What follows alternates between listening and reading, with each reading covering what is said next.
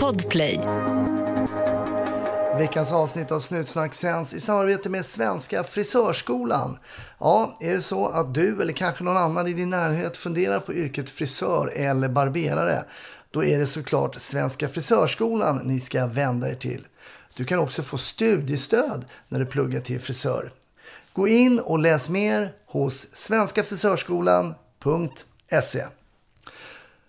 Varmt välkommen nu till ännu ett avsnitt av podden som heter Snutsnack. Jag heter Hasse Brontén. Min gäst idag heter Affe. Han jobbar i Södertälje. Vi ska prata lite såklart om hur det är att jobba där.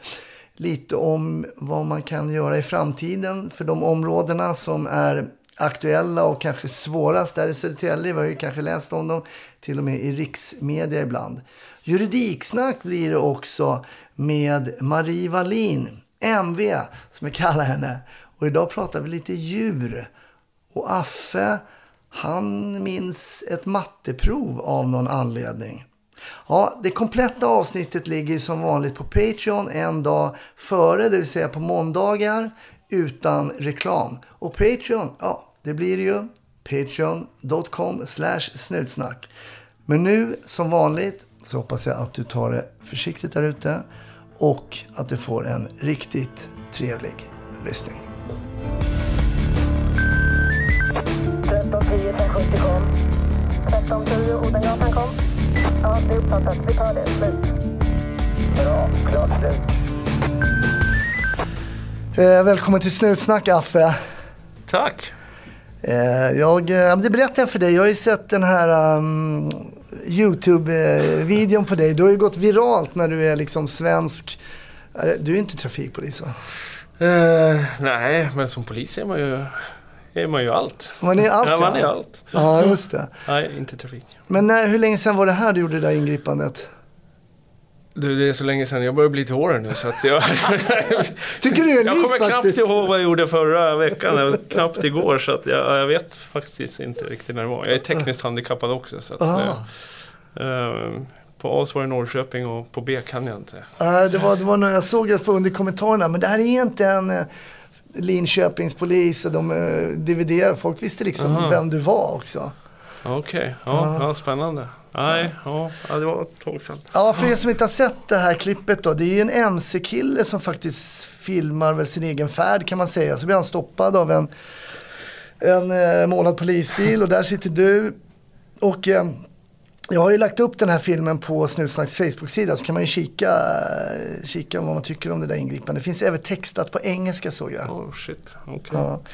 Nej men det är ett ganska, jag tycker det är intressant faktiskt det ingripandet när man tittar på det. Och vi har ju suttit här och pratat lite innan om, om surret liksom. Alltså om att eh, vi faktiskt, eller vi säger jag, men det är ju ni då, Men, men när man jobbar som polis att det här, eh, att det verbala liksom är oerhört viktigt och när man närmar sig folk och, och sådär. Det tycker du också? Ja, verkligen. Eh, Ja, vi sa ju det också. Alltså, att vi är ju... Det är lätt att glömma, men det får man aldrig glömma. Att vi är ju människor som jobbar med människor. Mm. Eh, med allt vad det innebär. Så att, eh, eh, och, och vi är till och jobbar för våra medborgare i alla forum. Så att, och det verbala och kroppsspråk och allt vad vi sänder på olika sätt är oerhört viktigt. Liksom. Men, men framförallt är ju vi, vi jobbar ju med, med våra medmänniskor. Mm. Så att, eh, en god ton och respektfullt och i alla delar. Omhändertagande är, det är ju basen i allting. Så det, Mm. det känns naturligt i det. När man har jobbat några år som polis som du har gjort och som jag faktiskt också har gjort. Och så Så jag menar att jag är gammal nu? Nej, jag är alltid äldre, alltid äldre så du kan, du kan slappna av. Okej. Nej, men, ehm, så märker man ju att eh, poliser är oerhört olika bra på det här. Ja men så är det ju. Mm. Eh, och det är väl, ja vi är ju olika, vi är ju människor bakom uniformen. Eh, så med olika erfarenheter, olika talanger och sånt. Och det är väl det som man kompletterar varandra i en patrullbil till exempel på olika sätt. Men, det, men just bemötandet är ju väldigt viktigt. Eh, A och O. Och där kan ett bemötande från en konstapel liksom döma en hel kår. Eh, så att det är ju viktigt att ha med sig det överallt. Liksom. Även kan vi ha bättre och, och sämre dagar såklart. Men, men att ändå ha den här professionaliteten ut i fingerspetsarna så långt det bara går. Liksom, Mm. När man väl arbetar. För det, det är liksom, man har ett ansvar. eh, Vi har fått ett ansvar från våra medborgare eh, med allt vad vi har och möjligheterna att, att agera på ett väldigt bra och professionellt sätt. Och i dagens samhälle än mer skulle jag säga att det här med moral och etik och beteende är än viktigare än någonsin. Så kan vi vara föredömen och förebilder där så är det ju bara amen på det. Liksom. Jag kommer ihåg, vi hade ju ingen egentligen utbildning när jag gick på skolan, vilket ju är väldigt många år sedan i och för sig. Men jag tänker, man tittar på USA i vissa skolor, så här, man har public speaking, man har liksom det här tala. Min fru har jobbat som gymnasielärare och, och berättar då, när, det gör hon inte längre i och för sig då, men hon berättar till exempel när hon ska hålla så här Ja men du vet man ska göra ett, ett arbete och ska man redovisa det för klassen. Och hon berättar oerhört många studenter då, det här är ju närtid, som säger så här, nej men jag, jag kan inte stå inför folk, jag har en diagnos, jag har en Nej, du är bara nervös och det är helt okej. Det ger man när man ska stå inför liksom Ja. hela klassen eller kanske till och med inför aulan. Så. Men vi behöver öva på det, du behöver öva på det. Du är inte sjuk när du känner det här liksom. För att eh, jag, jag tror ibland att man behöver öva, verkligen öva på det. Och vissa behöver verkligen öva på det. Ja. En del har det naturligt, helt Ja. naturligt. Ja men det är, det är det och framförallt med unga nu skapa trygga miljöer och, och våga eh, stärka individer och våga vara sig själva och kanske också våga eh, utmana sig själv i vissa delar. Ja. Det liksom, För det är, jag vet så här när man, man ska göra ett polisiärt ingripande. Och det behöver inte vara någonting, då tänker inte jag att det är något farligt eller Ja, någonting. Men ja. det står personer 15 meter bort ifrån oss. ja, Så ska vi gå fram till dem. Det händer någonting tycker jag när man är tre meter ifrån. Eh, där är det ju någonting, de märker att du är på väg till dem, du märker att de märker. Där händer det någonting som man måste gå in och säga någonting nice. ja, ibland kan det vara perfekt. Ja, liksom. Ibland så krävs det någonting annat. Mm, Och ibland märker jag att när jag har jobbat med vissa så låser det sig där. Mm. Man vågar inte ta det där steget rätt in i den där bubblan Mm. som man måste göra. Men det, det tycker jag är fascinerande också, alltså mötena med människorna. För Mm. vi har ju så mycket erfarenhet av olika saker i ryggsäckarna så att liksom vad man möts för vet man ju inte riktigt. Nej. Men, men man vet dock vad, vad man är själv någonstans och kan utgå från det. Och där är vi väl olika trygga med det. I att eh, kommunicera med andra helt enkelt. Och det här beror ju också på situationen och det är det jag tänker med det verbala och icke-verbala. Liksom. Vad sänder jag med mitt kroppsspråk och vad har mitt tonläge och hela den här biten. Liksom. Och, och kan, vad kan det landa någonstans i? Och, eh, är man medveten om det så, så har man ju, eh, är man ju en bra bit på vägen. Innan man kommer fram och börjar prata. Och så handlar det om flygtid också. Jag menar Mm. med fler sådana här grejer, man säger det, då studsar den grejen tillbaka. Oj, den har jag aldrig hört förut. Hur ska jag bemöta det svaret? Mm. Och ju fler gånger man har fått mer udda studs tillbaka så kan man ju Ja. hantera det såklart. Ja, och lägga erfarenhetsryggsäcken Mm. där också. Att, ja, för det är vissa saker som man Ja, eh, man har lärt sig som man kanske inte har väntat sig att få tillbaka Nej. eh, efter första öppningsfrasen och eh, Ja, Och då, de får- då, går får, de då får går- man ju landa om lite De grann. går ju nästan inte att öva på heller. Nej, det är svårt. Eh, utan det, ja, det blir ju att lägga till i i erfarenhetsbanken i ryggsäcken som sagt. Ja. Nu sitter vi, kära lyssnare, det har inte ni förstått, men vi sitter ju alltså på, inne på polisstationen utanför skalet, för jag är inte betrodd att eh, gå in. Vi var tvungna att safea lite grann.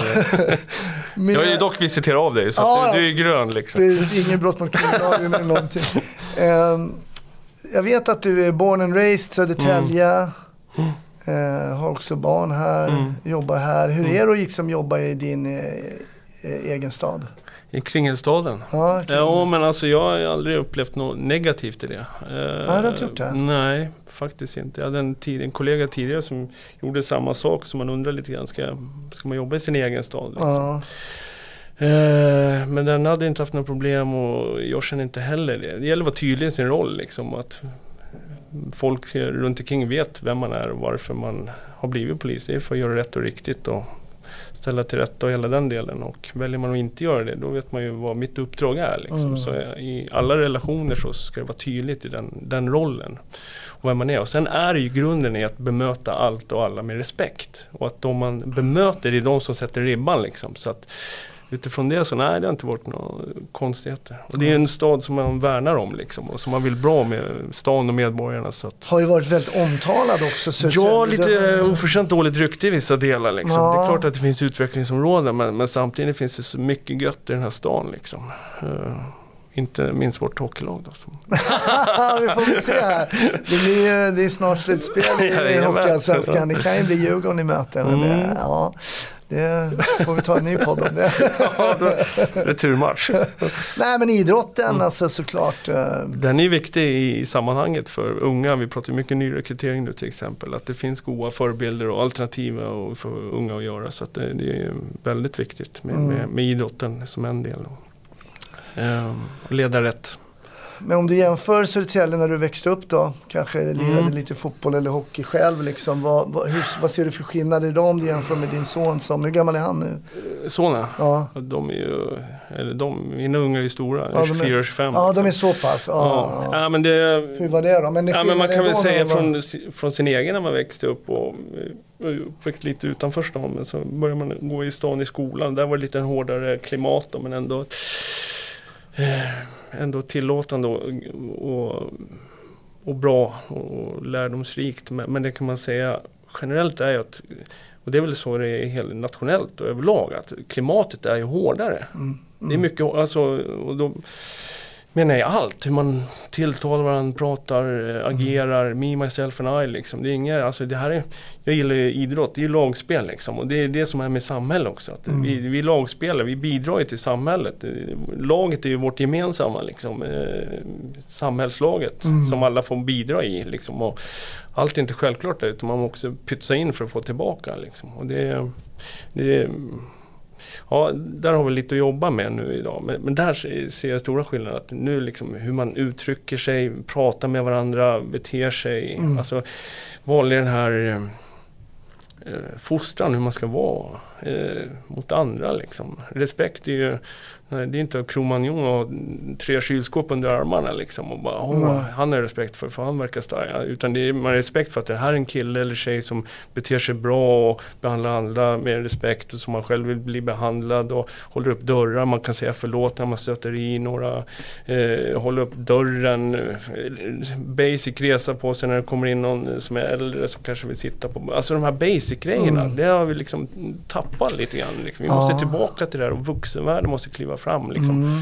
Vi måste ju värna om varandra och liksom bry oss om varandra Mm. i det här lagarbetet som är samhället idag. Ja, precis. Och polisen är ju bara en liten del i det såklart. Eh, Det är ju, det är ju viktigt att påpeka så att... Ja, vi är en viktig del men det är ju så många andra också. Mm. Ja, Så att verkligen. vi måste ju jacka i alla kugghjul som finns här för att få det gött i samhället igen. Mm. Och som världen ser ut, liksom. kom igen nu.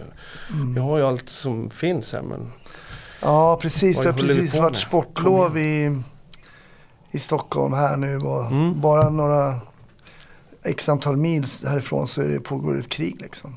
ja, absurt. Så det är alltid, ja, 2023. ja, eller Varför hur? liksom, ja, Ja, men det är har vi inte märkligt. kommit längre. Nej, jag vet. Det är sorgligt.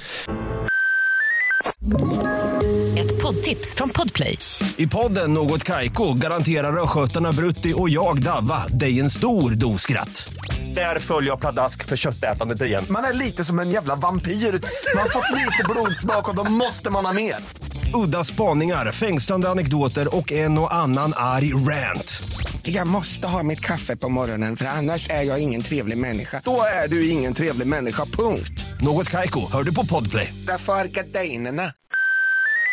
Men vad heter det, det här med att jobba som polis då? Var det någon tanke som fanns eh, när du växte upp här? Eller? Mm. Ja, eh, om man nu inte blev fotbollsproffs då, vilket vissa inte tyckte man skulle bli då. Även fast man tyckte, vad fan jag har ju allt. But, eh. Nej men då var det ju tidigt eh, inställt på just lagarbete. Alltså, Så polis var väl det man tänkte på direkt. Ehm, det är väl där jag skulle vilja landa. Ehm, och det landar jag ju till slut i. Och det är just att man, man gör bra saker ihop med andra. Det här eh, omklädningsrumstugget eh, som finns i, i lagidrott, både hockey och fotboll. Då, som, som man har försökt utöva i sin ungdom. Så, eh, så ser man ju samma mekanismer här liksom. Att Mm. man vill göra bra saker ihop och man, har olika, eh, man är bra på olika saker, man kompletterar varandra. Man, man möter olika eh, saker tillsammans. Eh, glädje, sorg, spänning, rädsla. Alla de här olika känslorna som man får. Ja, polisyrket är fantastiskt men framförallt att man får liksom bidra till, till något gott Mm. i det här lagarbetet. Det är ju fantastiskt. Men var, när var du färdig? Kom du ut som färdig? Eh, ja, nu var vi där med årtal igen. Det var någon gång på, när jag gick, gick jag skolan, började 03 eller något. Ja. 05 då kanske? Ja, Något sånt. Ja, fan det är mattegeni. Men då, var, då fick du, jobbade du som uh, ordningspolis eller vad, vad Ja, jag jobbade i eh, första, första delen som ingripande polis och sen körde jag eh, efter det några år som kommenderingsansvarig här i Södertälje med idrotten. Det var jävligt Mm. smutt eftersom man är idrottsnörd då. Mm. Eh, och sen nu kommunpolis då, Mm. eh, på senaste tiden. Den här liksom, det de flesta landar när de kommer ut är ju att de är ingripande poliser Mm. och sätter på sig uniformen. Ja. Hur, hur, hur var den då, kom ut? Ja, det är fascinerande. Just att man själv skulle liksom säga åt någon annan vad den skulle göra. Liksom. Det är så här, är det jag som ska göra det? Min lilla jag liksom. Aha. ja, men det var det ju liksom. Men också tillsammans. Så att, I samklang liksom. Alltså, det är ju liksom det som är eh, våra möjligheter att eh, eh, med böter och annat sånt här. Det är ju också en samklang i det. Vad är det för läge? Vem är jag möts? Förstår man att man har gjort fel eller inte? Eller, Mm.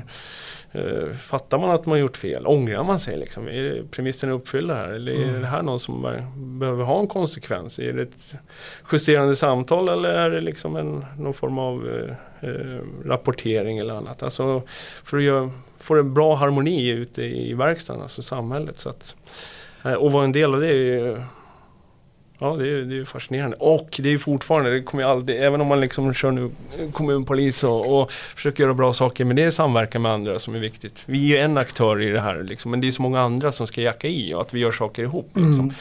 Ehm, för att göra det bra. Men men just det där liksom att grunden är ju eh, radiobil, uniform, åka ut, man vet inte vad som händer. Eh, vi ska ut här i, i, i världen och göra bra saker liksom. Undrar vad vi möts av idag.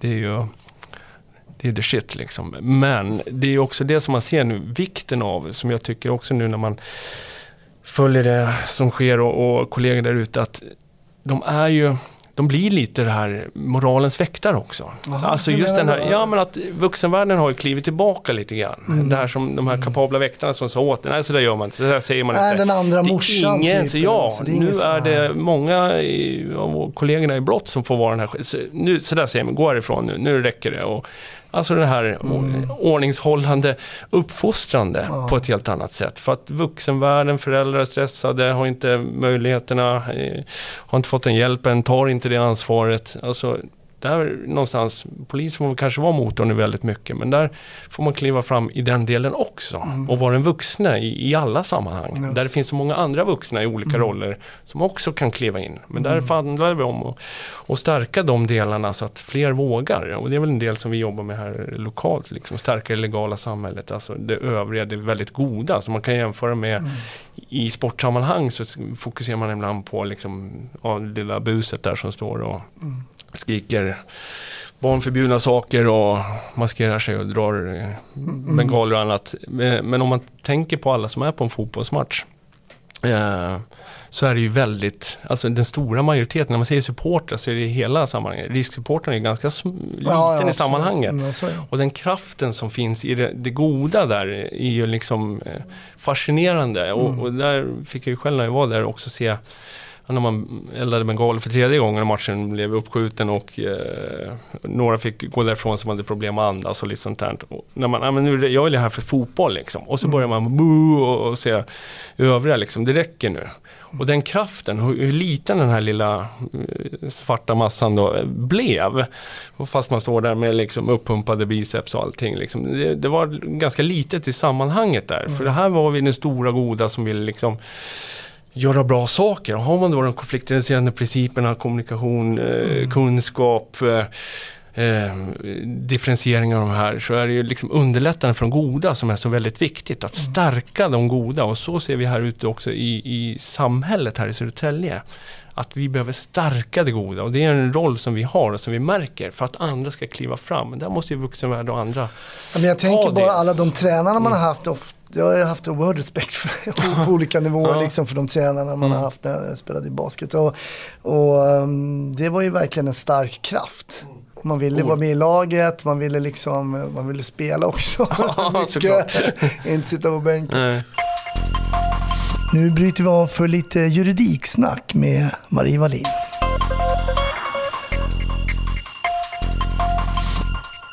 Ja, välkommen igen Marie Wallin, rätt, rättnu.se. Ja, tack. Eh, förra- Kul att vara tillbaka. Ja, men, Härligt. Jag tycker det är kul att ha det här igen.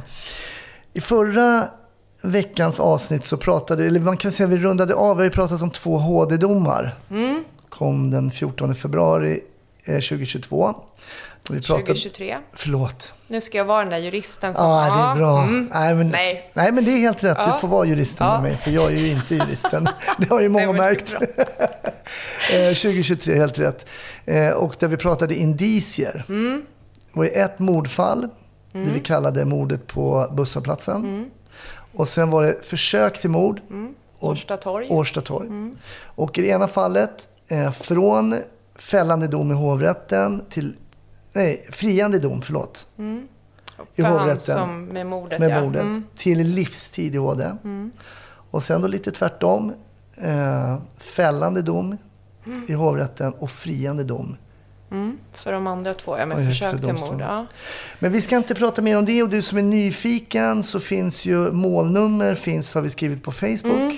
ja, men det är ju ändå så här, man ibland eh, lyssnar på något och sen så kanske man vill faktiskt läsa och mera fundera. Så det är roligt att... För det har ju kommit lite respons också. Liksom Mm. att, och någon som bara, men det var ju mer detaljer och det var ju lite annat också på den där jackan. Och, Precis. Ja, och det är ju lite det formatet som jag i alla fall tänker att vi ska ha här. Att det är så här, ska vara lite så här, åh vad intressant. Då kanske jag går in och läser en HD-dom. Mm. Ehm, Som man kanske inte hade gjort annars. Så att, eh, det är väl jättebra med den typen av återkoppling, tycker Bra. jag. Varför inte läsa din första HD-dom, du som lyssnar? Eh, Men idag kanske vi blir ett lite kortare instick om juridik för att idag handlar det inte om Högsta domstolen och inte heller om mord och mordförsök.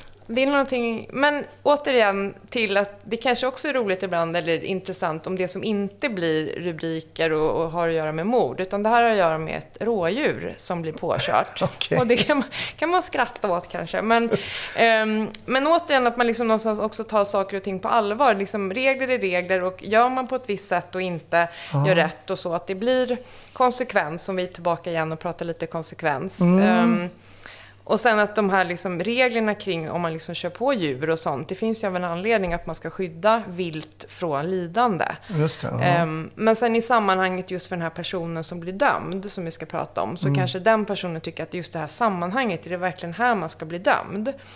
Ehm, så det är lite, jag kan också säga när jag kör ganska mycket bil på vägar där det finns vilt och sånt. Mm. Och skyldigheterna som man då har, som då blir väldigt tydliga i det här hovrättsfallet. Så jag, jag kan tycka för egen del också att ibland är det bra, både som privatperson, eh, också lite som den här domen från hovrätten säger, att man måste ha koll på reglerna i Sverige. Mm, det har vi ju inte i alla Och fall. det behöver man kanske inte alltid tänka, men jag behöver väl inte ha koll på alla regler, jag är inte jurist.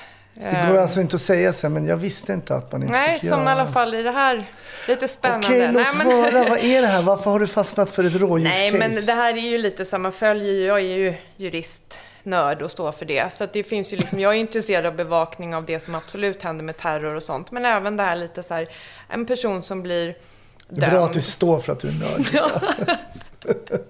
Fler nördar. Ehm, nej, men det här är en dom från Skåne. Eh, hovrätten över Skåne och Blekinge. Eh, som då är förseelse mot jaktlagen. Så det är det som Okej. brottet är. Och det är penningböter. Så vi pratar ju liksom om de brotten, om man säger, som är minst allvarliga. Utifrån att man säger penningbotsbrott. Eh, det finns inget fängelse i straffskalan eller någonting. Men det är ändå någonstans att någon har brutit mot eh, reglerna. Vad har hänt? Ehm, jo, men det är så här att det är en person eh, som är ute och kör sin bil och han ehm, märker att det blir en kollision med, som han uppfattar, ett mindre djur. Och stannar till och sen ser han att det är ett rådjur vid sidan av vägen. Eh, som han bedömer inte verkar vara skadat. Så att det är liksom utifrån omständigheterna i sig, det är ingenting oklart. Den här personen har varit ute och kört sin personbil, han liksom märker att han dunkar i något. Kör han vidare sen? Nej, han stannar till Ah, samtidigt, ja. i anslutning till platsen, kontrollerar om det verkar vara något blod eller någonting, alltså att det här rådjuret verkar vara skadat, tycker inte att det finns något på brottsplatsen, om man skulle säga så. Eh, kollar också upp rådjuret och tycker att det st- står där och verkar inte må dåligt. Okej. Mm, och i hans värld, där han är med sina regler, då är det när han tog körkort, ehm, då var det att det var bara om ett vilt som man har kört på var skadat eller hade dött som man behövde rapportera till Polismyndigheten. Okej. Det trodde han fortfarande gällde. Så han kontrollerar utifrån vad han tycker då, det han bör göra. Det är ingen skada på djuret, jag kör vidare.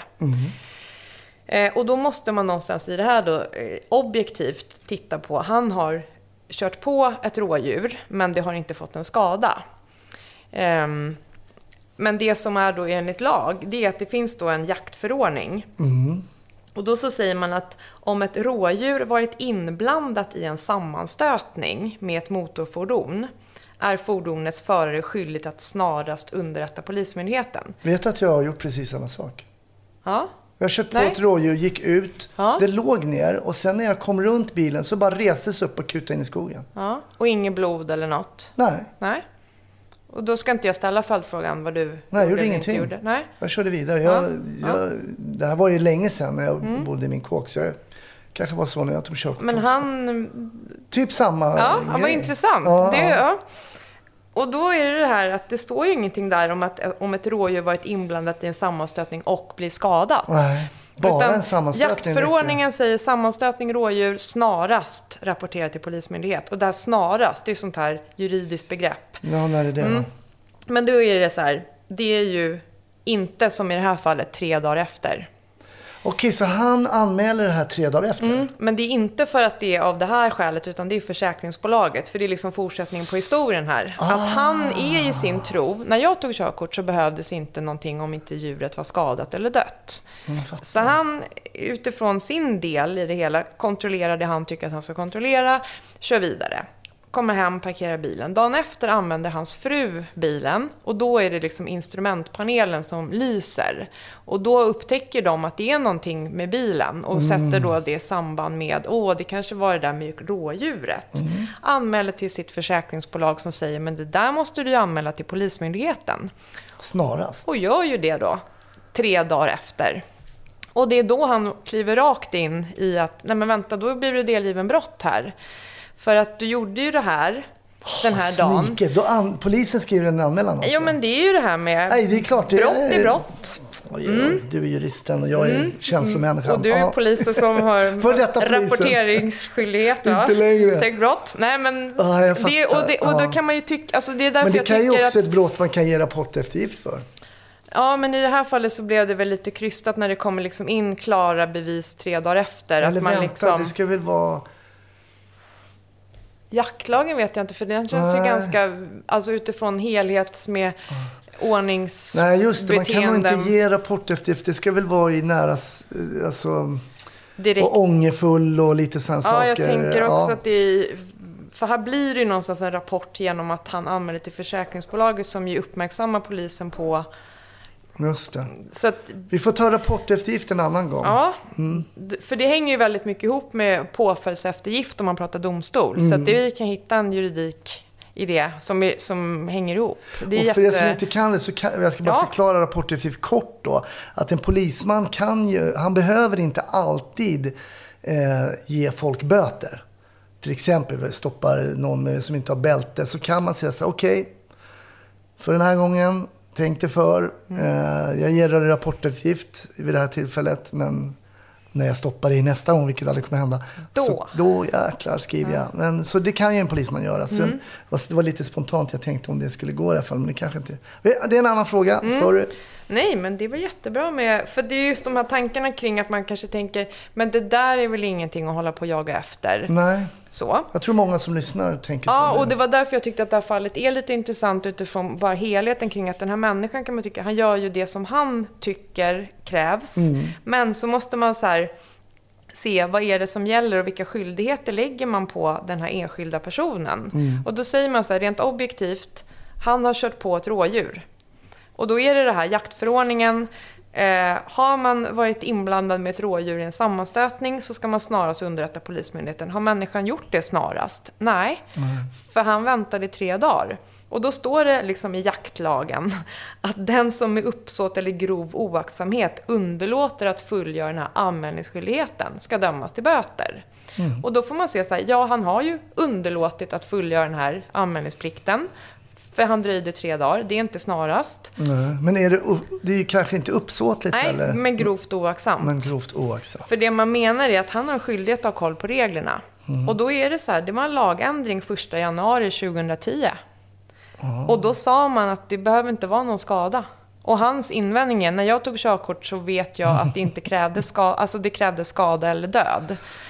Ehm, Nej, men här jag är så gammal så mord var inte ens olagligt på den tiden. Nej, men det, det funkar här med, inte så. Man nej. pratar om det här med att man liksom har en villfarelse kring rättsreglerna. Och Mm. det är ju ingenting du kommer undan med.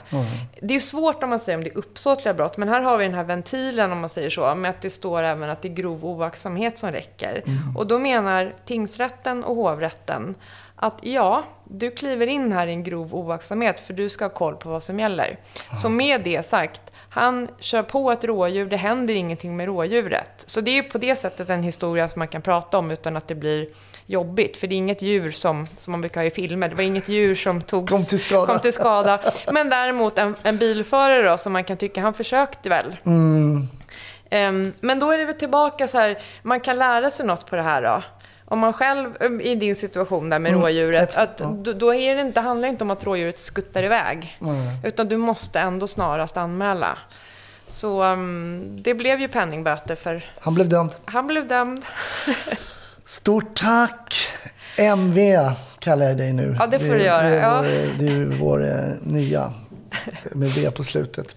Eh, stort tack! Idag har vi lärt oss, kör det på något vilt, det gäller givetvis inte bara rådjur. Nej, då är det snarast underrätta Snarast. Polismyndigheten oavsett om djuret är skadat eller inte. Så, tack och bock för den Ja. infon. Ett poddtips från Podplay. I podden Något Kaiko garanterar östgötarna Brutti och jag, Davva, dig en stor dos skratt. Där följer jag pladask för köttätandet igen. Man är lite som en jävla vampyr. Man har fått lite blodsmak och då måste man ha mer. Udda spaningar, fängslande anekdoter och en och annan arg rant. Jag måste ha mitt kaffe på morgonen för annars är jag ingen trevlig människa. Då är du ingen trevlig människa, punkt. Något Kaiko, hör du på Podplay. Därför är gardinerna. Men Södertälje då som polisdistrikt när du kom ut, då, vad fick du jobba med som liksom ny ingripande polis? Du, du sa det lite grann där. Fan, avbryter jag dig eller? Du får du säga får till mig. avbryta, du får Fan vad du snackar. Du får säga till. Jag vill att mina gäster ska snacka. Så. Nej men du sa ju det, någonting som var väl bra här i Södertälje var väl det här, eh, man, eh, du sa polisdistrikt, Mm. det hette ju det förut, PMD. PMD 8 var ju vi, polismästardistrikt. Vi låg ju längst ut. Och, och det innebär ju, även i, ja, idag jobbar vi i regionerna gemensamma utsättningar och sånt. Så det är svinbra att vi kan jobba tillsammans. Att det är gemensam kraft internt, alltså som polisen. Men som PMD 8 så låg vi liksom, längst, det nästa utanför oss, det är ju liksom Nyköping, Eskilstuna, som, som var Sörmland då. då. Mm. Så det var inte, så att vi låg ju ganska långt ut, vilket innebar att det tog ju, gick inte jättesnabbt kanske alla gånger för oss att få, du nu skulle behöva lite hjälp, vi har lite underläge här.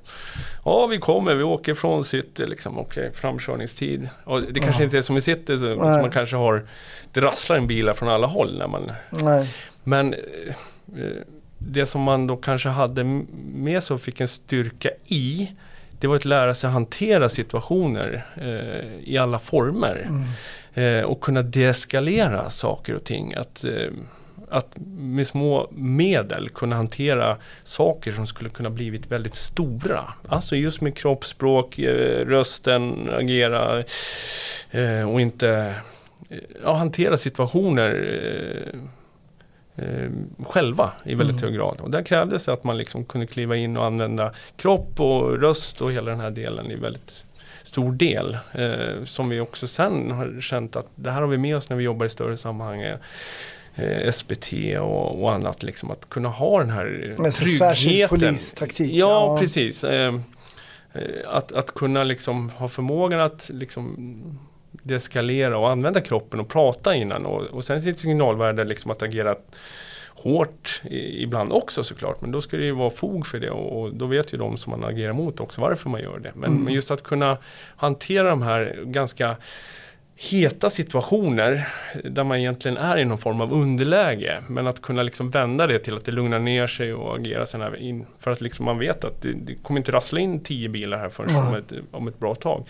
Den, det är klart att det kunde vara lite ehm, det var ju spänning också såklart. Eller Hur Mm. fan grejer vi det här liksom? Hur kommer det att gå liksom? Eh, Har du något minne? Har du någon sån? något Ja, sånt? det finns väl några sådana där eh, som man känner att oh, här vart det svettigt, vi lyckades typ liksom.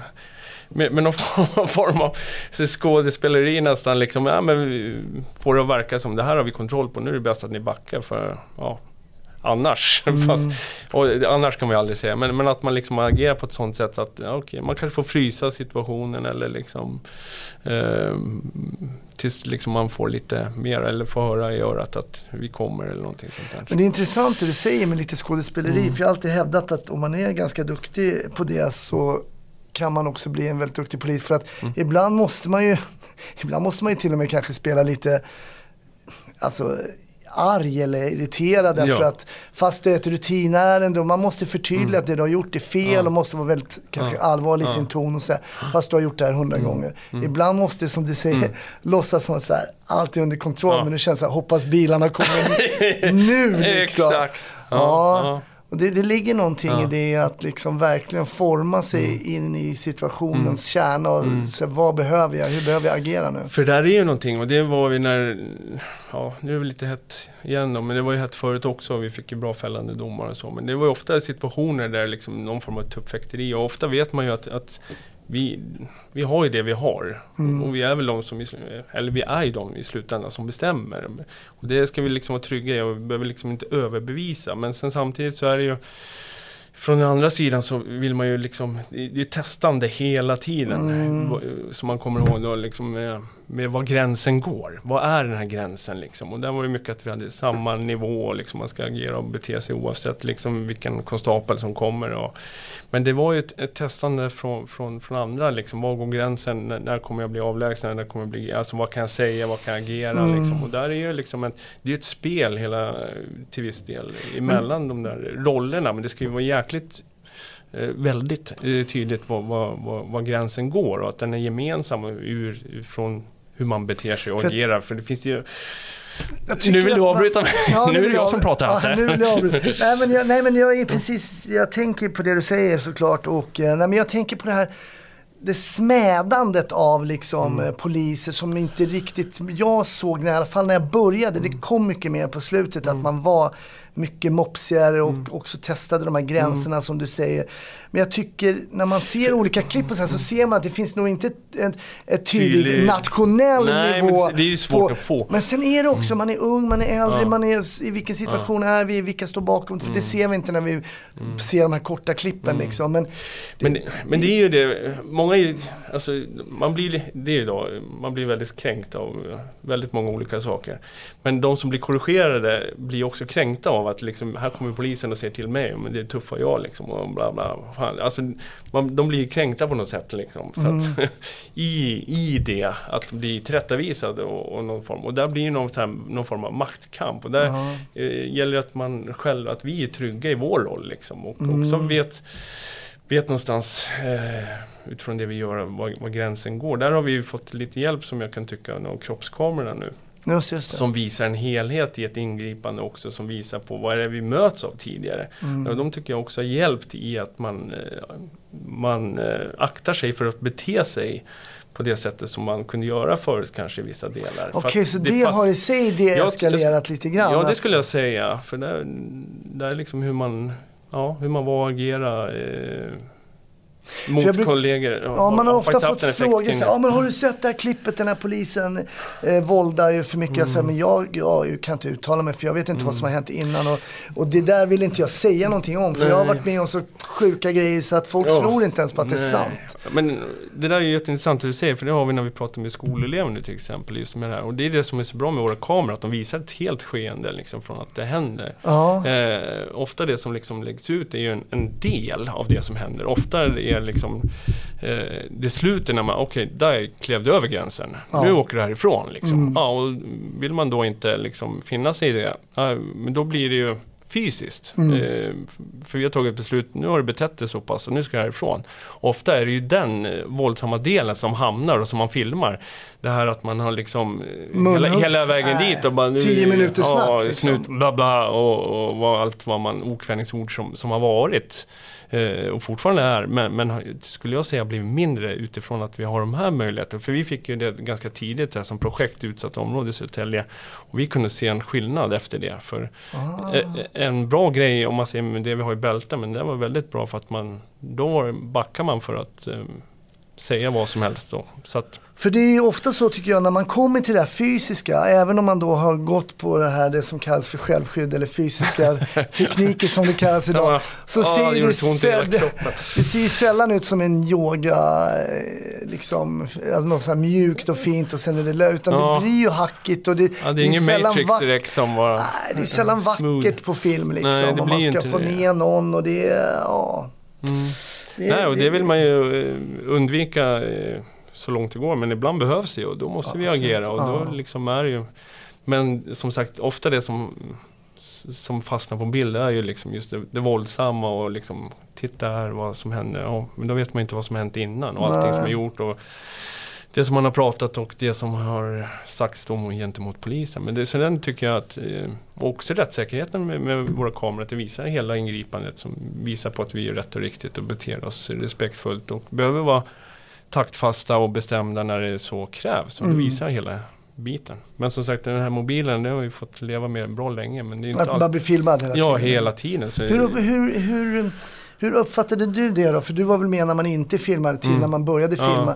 För de kommer, man kommer upp och filmar Ja. liksom. Så hur, hur var det när man ska liksom göra ett jobb sådär? Hur kändes det? Ja, ja, men, ja, ja, men det, det kan man ju gå till var och en liksom. Om du säger att du sitter på ett skrivbord och knappar på tangenterna och så kommer någon bakifrån och liksom bara Ja, här ser vi nu hur han knappar på en tangent. Är, är det bra att knappa på tangent? Va, Tycker du det är roligt eller? Va, har inga andra? Ja, och så bara Alltså det är klart att det, det blir ju Det är ju speciellt men man vänjer sig och så länge man är trygg på att det jag gör är rätt och riktigt eh, Om man är trygg med det så, så är ju så, så är det en underlättande del. Men det är klart att det är besvärande att få, få allt du gör liksom granskas och filmas. Men man måste nog förlika sig lite med den tanken också. Att man, Mm. man blir granskad. Och vi ska ju bli granskade av, som den myndighet vi är, att vi gör rätt. Vi har ju ett ansvar liksom, göra rätt och Mm. riktigt. Och vi blir ju testade hela tiden. Och det, ja, det, det kommer väl lite med jobbet. Så. Men du såg att du blev filmad när du stoppade den? Hade han någon sån GoPro Nej. på hjälmen? eller vad? Nej, jag, hade, jag såg kameran men jag hade ingen aning om att det filmades. Jag hade inte en tanke på. Så det hörde jag dagen efter någon som ringde. "Åh, Jag såg det här. Så jag fattade inte vad de pratade om. Och, Men får jag för mig att du sa i filmen, även om du filmar, eller du säger inte du någonting att du ser hans kamera för mig, men när du kanske, jag kanske... jo, eh, med kameran. Jo, men den Ja, såg såg jag. kameran, ja, men jag ja. hade ingen aning om att han filmade Ah, när jag... jag fattar. Eh, sen fattade jag att han, ja, det var väl något som skulle upp när man åker och stylar på bågen liksom. Men, eh, Men var de uppe på bakan eller vad gjorde de? De var uppe på bakhjulen? Nej. Nej. men de vinglade runt lite. Ja, vi såg dem komma i, i, eh, i en bra fart från sidan. Vi mötte, vi var ju pass, passing through liksom. Ja, så. jag fattar. Eh, så det kände jag att det där kan gå illa. Alltså trafikolycka med MC har jag varit på. Det är inte Nej, kul. och det var väl det kanske vi ville undvika där med Mm. Unga människor. Eh, Han verkade ju ta det rätt. Ja, Okej, och förhoppningsvis så, så landade det bra om man såg, okej, jag får ha ett ansvar både för mig själv, andra trafikanter och den som sitter bak på. Jag är ung och har ett liv framför mig som, som kan vara bra. Slippa sitta i rullstol och att man drabbar i något annat. Så jag hoppas informationen om möjligheten landade bra där. Du, eh, du berättade där att när man kommer ut, man möter både mörkt och så. Och det är ju oundvikligt egentligen att jobba som polis och inte märka, och inte Mm. liksom gå in i, kan man säga, samhällets skuggsida. Det är många som 9 to 5 jobbar aldrig får se eller uppleva och sådär. Och det är ju unikt kan man säga för det här yrket. Hur var det för dig då att komma in och se den här ganska mörka sidan där Ja, där man lätt kanske har hört eh, i podden folk som har blivit känt själva att de blivit lite cyniska och sådär. Hur, hur har du Nej, men det är ju... Det är klart det är och det som, vi får ju se mycket skit liksom. Så är det ju. Och, och, men där är ju också att man är öppen med det och kan prata om det. Och det tycker jag vi har varit här lokalt. Liksom, att kanske folk med mycket rutin har inte dragit sig för att i, i i eh, den här debriefingen eh, runt kaffebordet som man har i light debriefingen liksom, är väldigt viktigt att man kan öppna upp och gråta liksom, om det man såg och var med om. Liksom, Mm, sånt där, och mm. dela med sig. Och det tycker jag är jäkligt bra. Liksom, att, att man kan bjuda på det av sig själv. Att man inte håller in någonting och lägger massa skit i ryggsäcken som ligger där och skaver. Liksom, utan att man kan få ut allt. För det var ju omänskligt som du säger att vara med i någon trafikolycka och det är ungar som, som, och, och som bara, ja nästa då, ska vi på matchen ikväll? Alltså det är klart att det berör.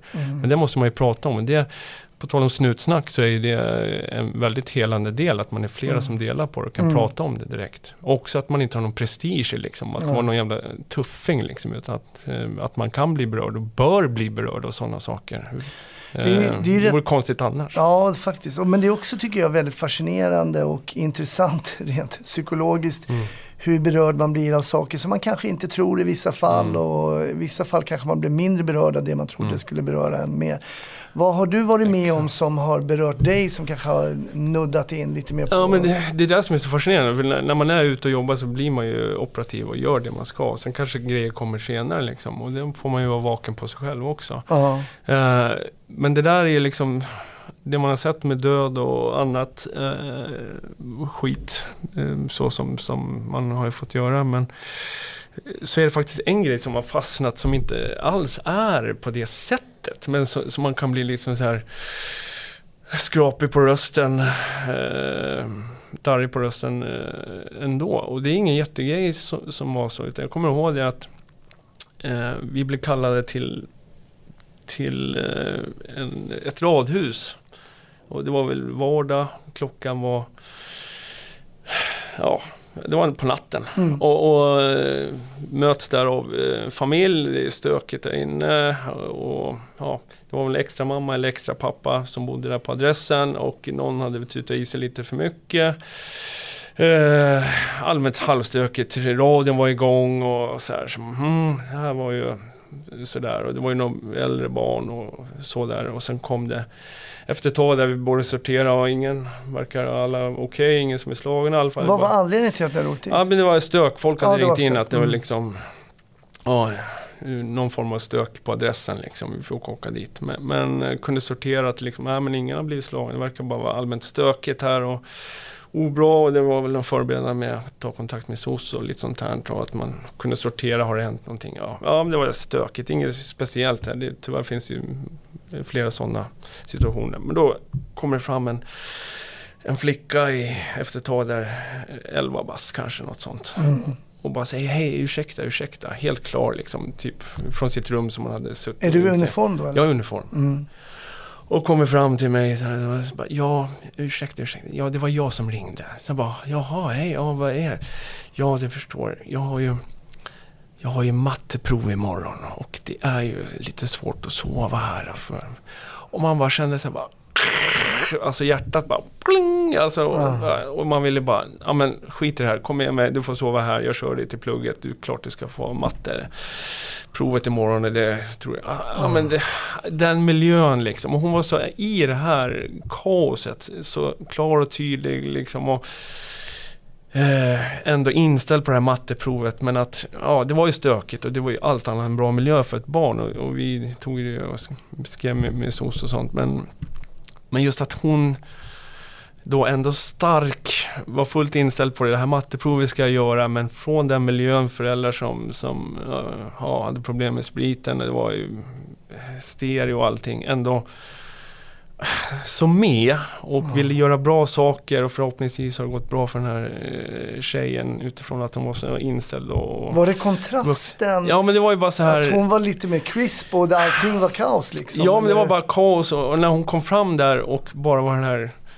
som någon form av ängel kom fram där. Jag var hej, jag skulle bara vilja allt hon ville var liksom få lugn och ro för sitt matteprov. Hon var så inställd på skolan Ah. och behövde bo i den där miljön och vara med om det där. Och har Ja. ringt till polisen? Och ringde till Ja. polisen om det, att det här, det här är inte bra. Och det var ju inte bra liksom. För att det var ju stökigt och bråkigt. Även om det inte hade varit några misshandelsdelar eller någonting som vi kunde se. Men, Nej. men just situationen där, det bara... Ah, Ett barn ska, du ska bara kunna fokusera på bra saker. Du ska inte behöva ha en sån här miljö. Och då tänker man så, det är långt ifrån eh, det värsta man kanske har sett Ah, eller något precis. annat. Men ändå visar ju på små saker som kan bli problem för någon som har liksom, barn ska inte behöva, barn ska ha det bra liksom. De ska ha bra Mm. förutsättningar, det ska vara lika. Och det, det är saker som samhället måste jobba med och ge rätt förutsättningar. Men, men just Det- den här miljön, alltså det var någonting, men den sitter kvar. Och, och det är ingen så här jättegrej, men det, Nej men det är ju det för henne såklart och det är väl det som man kanske du observerade Mm. då. Men det, det är det här som jag tycker är så spännande liksom att så många minnen och så många ingripanden som du har gjort Mm. nu. Det är 20 år i stort sett. eh. det är märkligt när man bara är 35. Ja, Vad är det för konstigt. det var ungt Ja. som 10 år.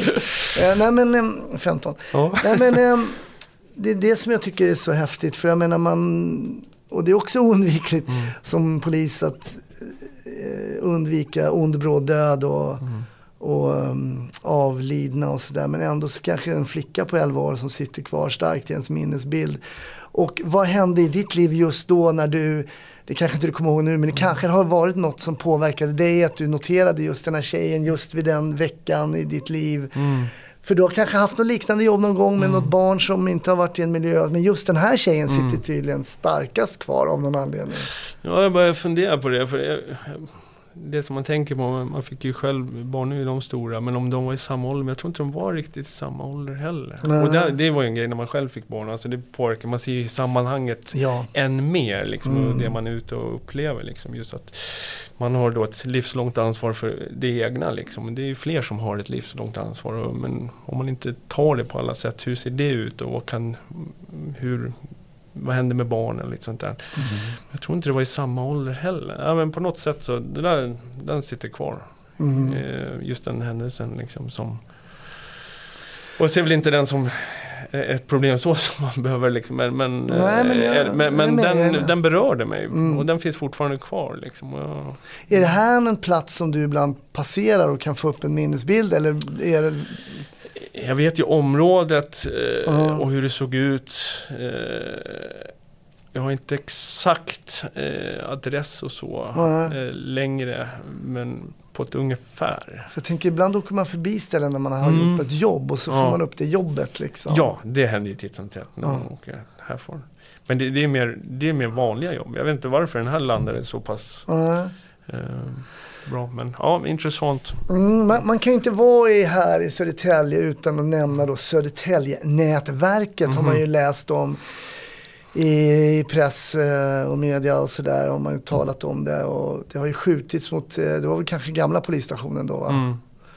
Och eh, hur, hur är det med, med era nätverk och den kriminella världen liksom? För det har ju, nationellt så var ju det på kartan ganska mycket.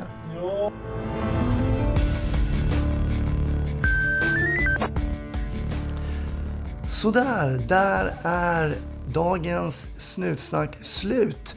Om du är Patreon så har du givetvis det kompletta avsnittet på patreon.com snutsnack. Om du är lite nyfiken kring eh, Affes tankar kring eh, Södertälje och eh, lite vidare hur man jobbar där. Annars, ha en fantastiskt bra vecka. Kommer givetvis ett nytt avsnitt i nästa. Så ta hand om dig till dess. Hej så länge.